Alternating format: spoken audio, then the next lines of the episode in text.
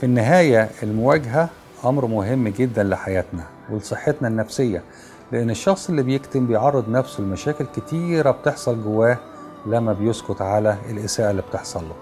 وفي نفس الوقت الشخص اللي بيغضب ويطلع غضبه بدون حساب بيعرض علاقاته للانهيار وده برضه بيأثر عليه بمشاكل وظروف كتيرة. وطبعا لازم يكون عندي استعداد إن أنا أغفر. في مرات المواجهات بتاعتنا بتتقفل في النص لأن إحنا مش عايزين نغفر ومش عايزين نسامح. في مرات بيبقى عندنا إحساس إن اللي حصل ده لا يمكن تجاوزه. في مرات علاقات بتنهار في أخطاء ممكن الأخطاء دي تتصلح ويحصل غفران فيها وترجع العلاقة مرة تاني. إحنا لازم نتعلم نواجه صح ولازم نتعلم إن المواجهة بتنقذ علاقاتنا وبتنقذ حياتنا في مرات كتيرة وبتنقذ صحتنا النفسية وبتخلينا بنقدم محبة للآخرين وبنستنى إن هم يعاملونا بنفس الأمر لما إحنا نغلط.